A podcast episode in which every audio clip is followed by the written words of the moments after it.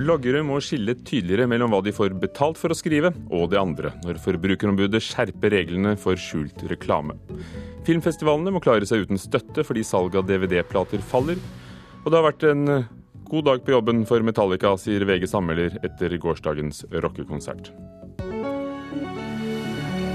Og han kommer hit til Kulturnytt i Nyhetsmorgen med Ugo Fermariello i studio.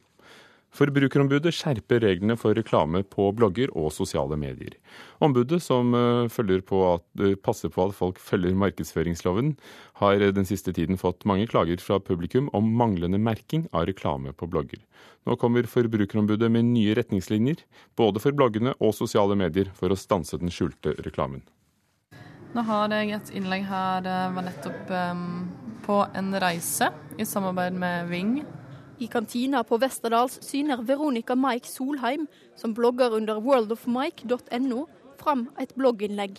Årets blogger 2013 har vært på reise sponsa av Ving. Til Ibiza for eh, meg og kjæresten min. da. Og derfor har hun merka innlegget som sponsa. Eh, I bunnen av hvert innlegg skriver jeg da 'Reisen og alle vedrørende artikler er sponset av Ving', også på engelsk under. Dette bør norske bloggere bli flinkere til å gjøre framover. Forbrukerombudet kommer nå med innskjerpa retningslinjer for merking av bloggreklame, etter å ha fulgt med på det som har vært ei enorm utvikling innen bloggsektoren. Den senere tida har ombudet opplevd at publikum har klagd inn norske bloggere grunnet dårlig eller ikke-eksisterende merking av innlegg som reklame eller sponsa. Vi som eh, lesere, forbrukere, fortjener å vite når det er reklame vi står overfor. Det sier Forbrukerombudet Gry Nergård. Hun forteller at de nye retningslinjene er mer konkrete og omfatter ikke bare blogg, men òg sosiale medium som Instagram og Facebook. Vi stiller opp noen helt klare anbefalinger om hvordan man skal merke reklame både i blogg, på Instagram og på Facebook. F.eks. på Instagram så har vi helt klart nå sagt at eh, det skal merkes med hashtag reklame eller hashtag sponsing helt innledningsvis under eh, bildet. Tidligere bloggmanager og far til Rosablogg-omgrepet, Thomas Moen, mener at det er på tide at retningslinjene blir skjerpa. Jeg mener at eh, dette er noe som har fått lov til å skli ut over altfor lang tid.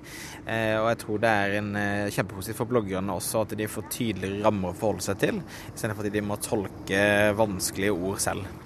Forbrukerombudet vedgår at det kan bli vanskelig å overvåke alle blogger og alle sosiale medium døgnet rundt men voner at publikum vil bidra. Det tror òg Moen kan være løsninga. Eh, med å gå ut offentlig med dette og snakke om dette, så, så, kommer de til å se det de har sett de siste årene, at forbrukerne melder inn oftere og oftere når de ser brudd selv. Så jeg tror at de kommer til å få mye hjelp fra forbrukerne i forhold til når det er overtramp og ikke. Og bloggeren mener at de nye retningslinjene er et steg i rett retning. Det er helt klart viktig å ha tydelige regler. Så håper jeg bare at uh, de passer på at alle får lest dem sa blogger Veronica Mike Solheim til reporter Guro Kvalnes.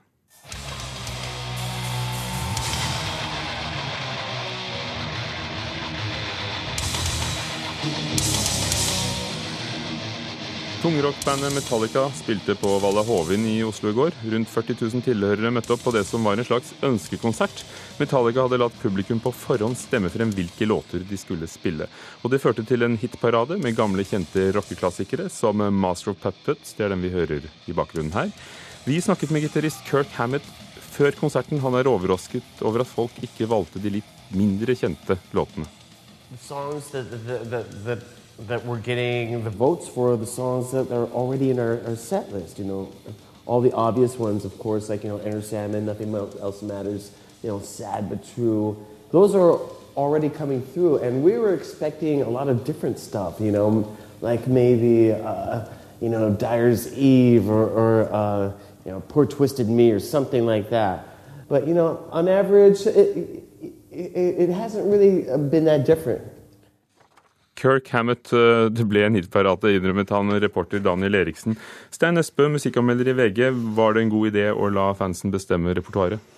Det er en god idé for fansen. Jeg vet ikke hvor god idé det var for Metallica selv. Det er som Kirk Hammett sier her, at uh, han ble ganske overraska over uh, hvilke låter som ble valgt. Det var jo en rein hitparade. Og, og, sånn sett en konsert som var akkurat som forventa, og akkurat det publikum ville ha og fikk. Du ga det en treer, og skriver at det var aldri dårlig, aldri spennende. Kan du utdype? Nei, Det er jo nettopp det jeg sa, at uh, når man først har muligheten til å påvirke settlista til favorittbandet sitt, så, så vil jeg jo tro at man valgte låter som man ikke hører på hver eneste annen Metallica-konsert. Det viste ikke å være tilfellet, og derav overraskelsen til Hammett også, og derav min, min, egen overraskelse. Og når jeg visste hva jeg fikk av dette litt forutsigbare stoffet, så, så tok det aldri av for meg, selv om Metallica sjelden leverer en dårlig konsert. Kan du plassere Metallica i rockehistorien for oss? Eh, Metallica er eh, definitivt det største metallbandet vi har. Eh, de er også de som brakte thrash metal over i mer kommersielle avarter av, av metallen, og gjorde den tilgjengelig for, for flere lyttegrupper, uten at de har forlatt trashen veldig. Men de har altså åpna opp for en musikkstil som for 30 år siden bare var for veldig marginale grupper. Og nå fyller de 40 000 på en konsert i, i Oslo.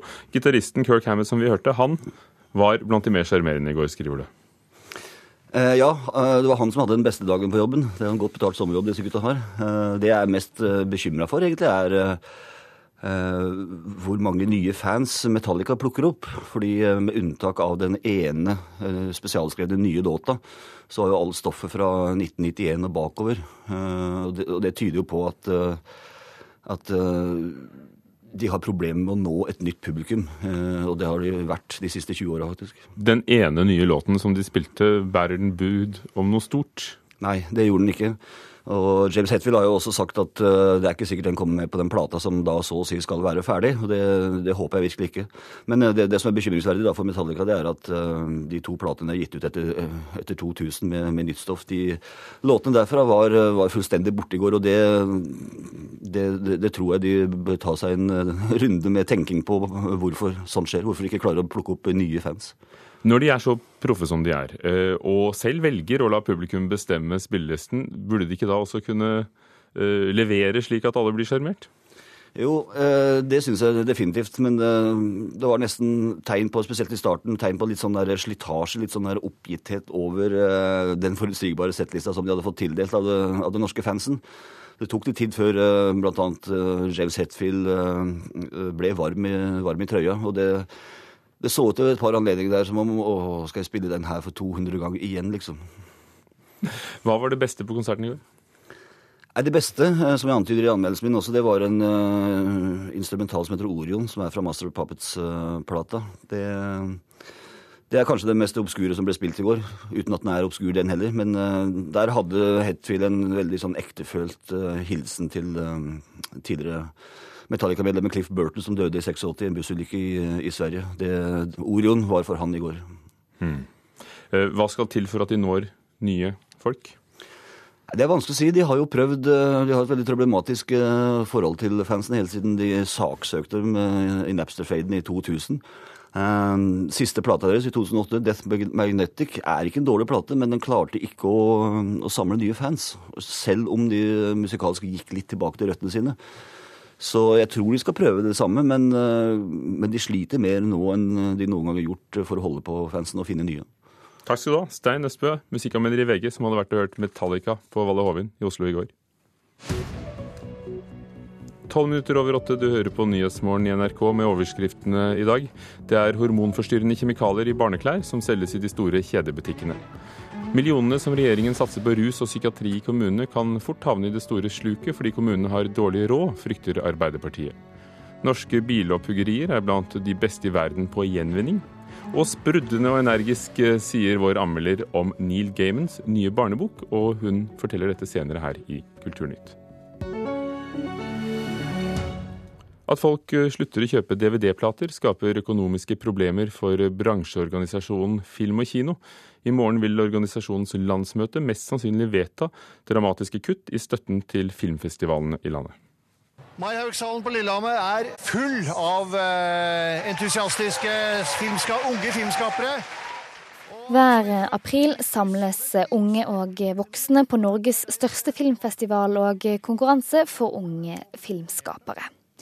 Men om de vil kunne gjøre det samme om noen år, er uklart. Hvis vi ikke kan holde det nivået vi ønsker, og har, noe, har, nok ressurser til å kunne tilby en festival, så blir det jo ikke festival. Stine Marie Solem er festivalsjef for Amandusfestival. Så det å kutte hele festivalstøtten tror jeg kommer til å Altså det er jo opplagt eh, helt krise.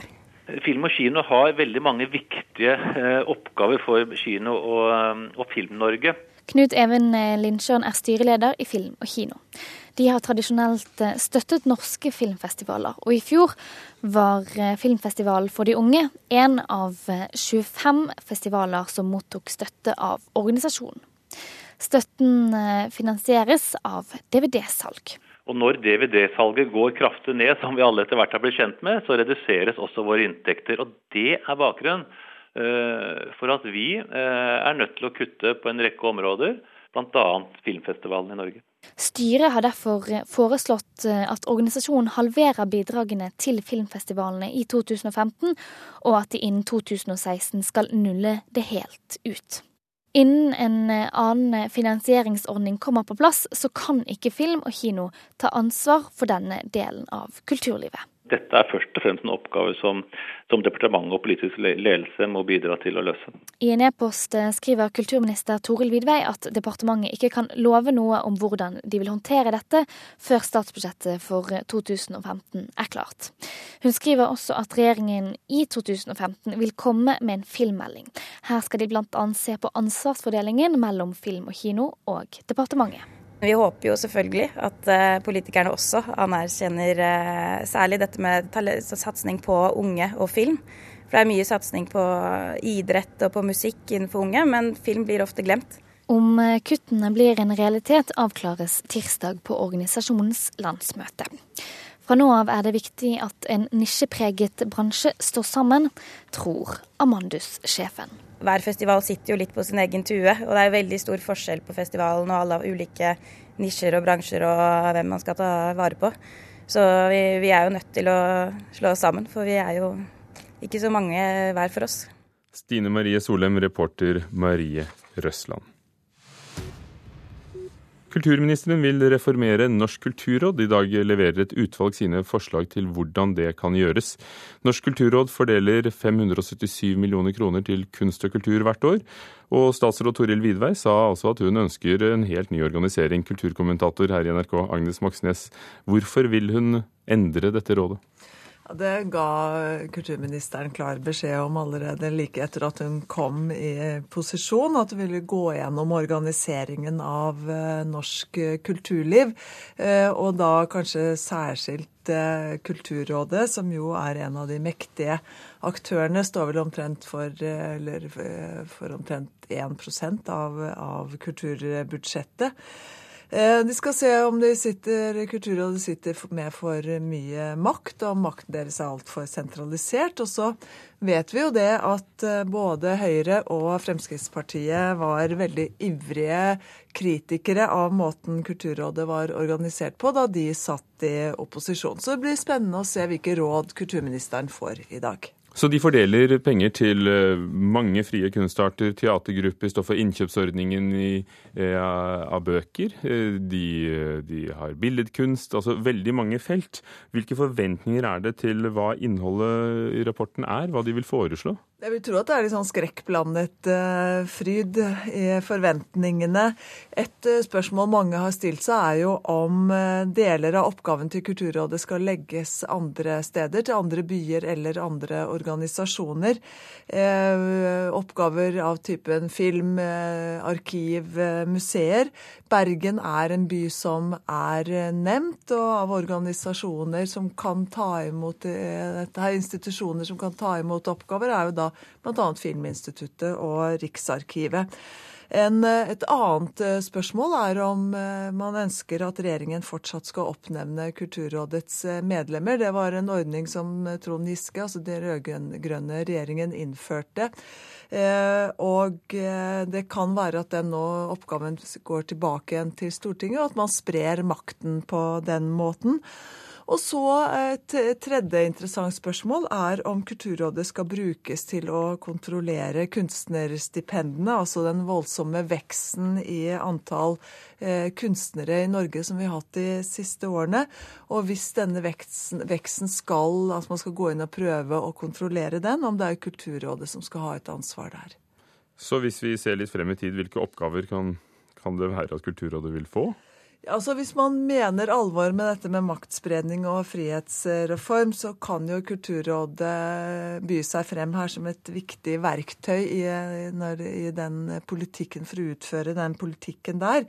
Eh, den delen i kulturlivet som har vokst mest de siste årene, har ikke vært Kulturrådet. Det har tvert imot eh, vært Eh, de store institusjonene og kulturlivet i, i eh, kommunene og, og, fylkeskommunene kom veldig tydelig frem i Anne Engers rapport da hun gjennomgikk det rød-grønne kulturløftet. Så jeg tror spørsmålet i dag kanskje ikke blir så mye om Kulturrådet skal få mindre makt eller ikke, men kanskje mer om hvor effektivt de kan styre den makten de har. Og rapporten blir lagt frem senere i dag. Takk, Agnes Moxnes. Neil Gaimans nye bok 'Heldigvis hadde jeg melka' ble kåret til årets beste barnebok av The Sundan Times i eh, Storbritannia i fjor.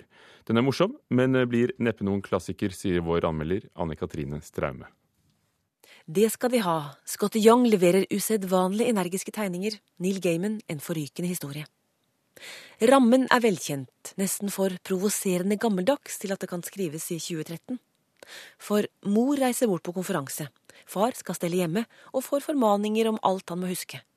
Mor har til og med laget middag som hun har frosset ned for hver av dagene hun er borte. Fnys.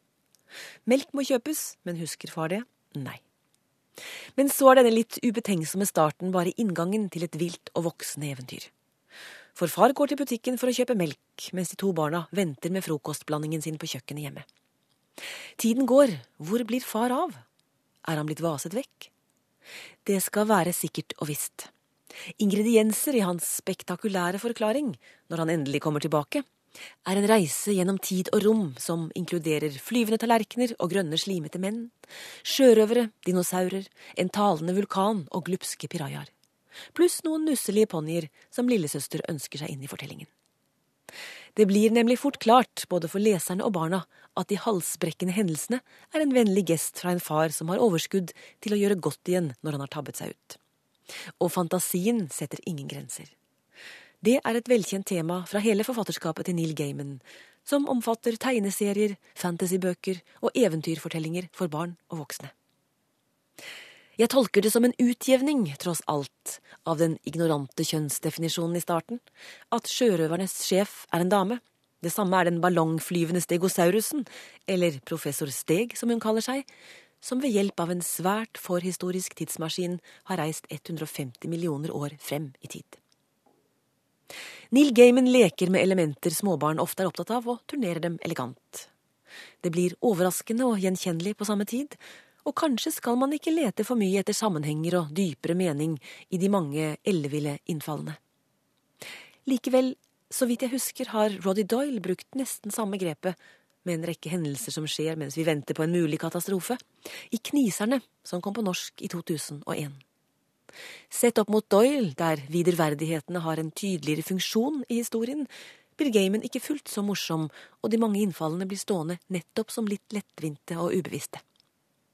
Forfattere som Roald Dahl og Erlend Lo har begge latt seg føre med av fantasien på vel så minneverdig vis. Når det er sagt, Scotty Youngs detaljerte illustrasjoner løfter fortellingen. Hans tynne, svarte streker slynger seg over hver eneste bokside og gir en ruskete, men gjennomført opplevelse av energi i fri utfoldelse. Underholdende blir det, og småkoselig som høytlesningsbok for de minste. Heldigvis hadde jeg melka, er oversatt av Ina Vassbotn Steinmann, og vi minner om at du finner anmeldelsene til Anne Katrine Straume og de andre anmelderne våre på nettsidene nrk.no kultur. Oslos kinopublikum går glipp av nok en film. Denne gangen er det komedien 'A Million Ways to Die in the West', skriver Dagsavisen. Det er uenighet om prisen Oslo kino skal betale for filmen, som er årsaken til at uh, filmen av skaperen av TV-serien Family Guy, Seth MacFarlane, ikke blir satt opp. Oslo-kinoene betaler vanligvis mer enn andre for rettighetene. Tidligere har Oslo kino kranglet om prisen både på Captain America, Noah og Tingeling og Sjørøverfeen. Hjernen vår eldes eh, saktere hvis vi lærer oss et eh, språk nummer to. En studie fra universitetet i Edinburgh viser at eh, språklæring kan ha en positiv innvirkning på hjernen, selv om språket læres i voksen alder. Både leseferdigheter, språklig forståelse og intelligens ble bedret av språkopplæringen, skriver BBC. Det kan for øvrig nevnes at briter i hovedsak bare snakker engelsk, mens f.eks. nordmenn i hovedsak snakker både norsk og engelsk, og sånn sett ligger bra an. Ti trykk av Picasso skal auksjoneres bort i Oslo på onsdag. Ifølge Grevedels Plass-auksjoner har det aldri vært så mange verker av Picasso presentert på én og samme kunstauksjon i Norge, ifølge auksjonariusen selv, som sier dette til Aftenposten i dag.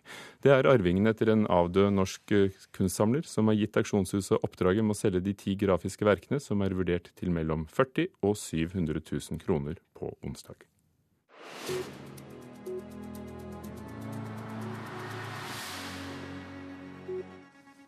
Bilder av Hamsun, gamle bygater, fortellinger fra krigen, filmer fra gamle Kristiania. Det holder ikke. Nettstedet Europeana vil samle inn flere historier og gamle materialer, bilder osv. fra Norge.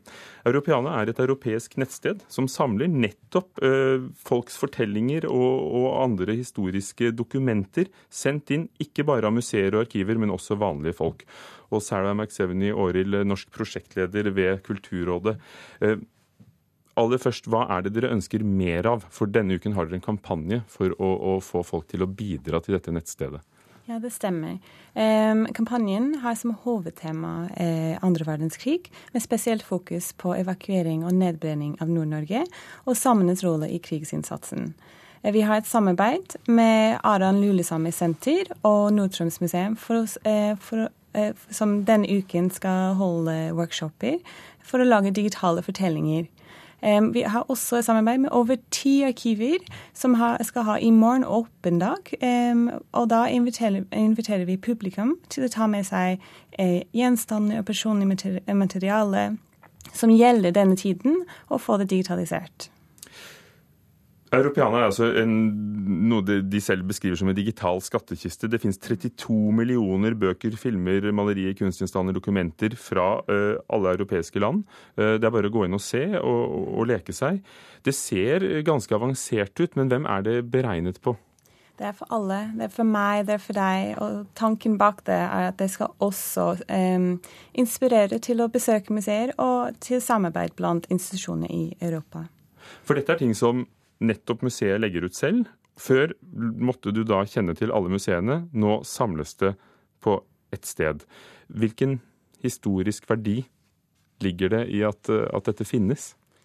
Um, det at uh, Europeanas uh, forsøker å samle alle Europas kulturarv og gjøre det tilgjengelig gjennom en felles inngangsport, er i seg selv ganske, har en ganske stor historisk verdi. Um, de, de, de, setter veldig stor pris på både de, de, store historiene og de små historiene. Og eh, det er viktig at de små historiene også blir fortalt som en del av det store bildet. Og det er derfor vi holder denne kampanjen denne uke. Du har selv bidratt med en historie. Hva, hva, hva fikk deg til å gjøre det? Um, jeg, um, det var en historie som måtte bli fortalt. og så Det handlet om min datters oldefar som slapp ned en hilsen fra et militærfly på vei hjem etter krigen. Og Historien er illustrert med bilder som jeg fant på Europeana, og disse bildene var ikke bilder som vi viste en gang, eh, vi ikke viste en gang fantes før jeg begynte å lage den fortellingen. Så det var veldig spennende for vår familie. Hvis Altså, Ordet digital fortelling dukker oftere og oftere opp. Det er mm. noe de fleste mediehus eksperimenterer med. Men, men, hva er en digital fortelling? Hva skiller det fra uh, brev, bilder osv.?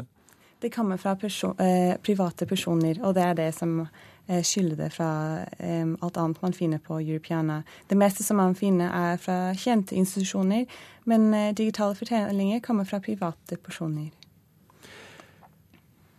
Når dere har åpen dag på ti arkiver mm. i morgen, hva skjer hvis jeg kommer med det gamle familiealbumet? Da skal det være noen eh, der som skal være tilgjengelig og skal ta deg imot og hjelpe deg med å digitalisere eh, materialet. Også for å lage en sånn kort fortelling eller forklaring om hva det dreier seg om. Eh, hvorfor har dere spesielt lagt vekt på det samiske bidraget under krigen? Det er bare ett av de temaene. Som sagt, Vi har en som hovedtema som er andre verdenskrig. Men vi har tenkt spesielt i, eh, med tanke på workshopene vi har i Nord-Norge, at det kunne være ganske interessant å få mer innhold om både evakueringen og samenes rolle. Hva vil du si er den Hva er, hva, hva er det største som europeerne har gjort for nettopp historie, historiefortellingen? Jeg tror egentlig for å eh, få på plass en felles inngangsport til Europas kunst og kultur på nett, og at de jobber for å få alt digitalisert og tilgjengelig for alle, eh, det er det største bidraget de har gjort. Takk skal du ha, Sarah McSeven Joril, som er altså norsk prosjektleder for Europeana på, i Norsk kulturråd. Eh, og så kan alle utforske det altså på Europeana på nettet. Vi tar med at 12 000 nettbrukere ba Google om å få fjernet søkeresultater om seg selv. Første dagen muligheten åpnet seg, eh, skjedde dette. Tidligere i mai fastslo EU-domstolen at internettbrukere har rett til å bli glemt, noe som innebærer at de kan kreve koblinger fjernet fra søketreff i Google og andre søkemotorer. På det meste mottok Google 20 henvendelser, henvendelser om sletting i minuttet. I Kulturnytt i dag har vi hørt at Forbrukerombudet skjerper reglene for skjult reklame for bloggere og i sosiale medier. Metallica-konserten, en vanlig dag på jobben, sa VG Sammelder etter å ha vært på hørt uh, tungmetallbandet på Valle Hovin i Oslo i går. Og filmfestivalene frykter kutt etter at DVD-salget faller. Halvor Haugen var produsent. Hanne Lunås, teknisk ansvarlig. Ugo Fermarello, programleder for Kulturnytt, her i Nyhetsmorgen klokken er straks halv ni. Hør flere podkaster på nrk.no podkast.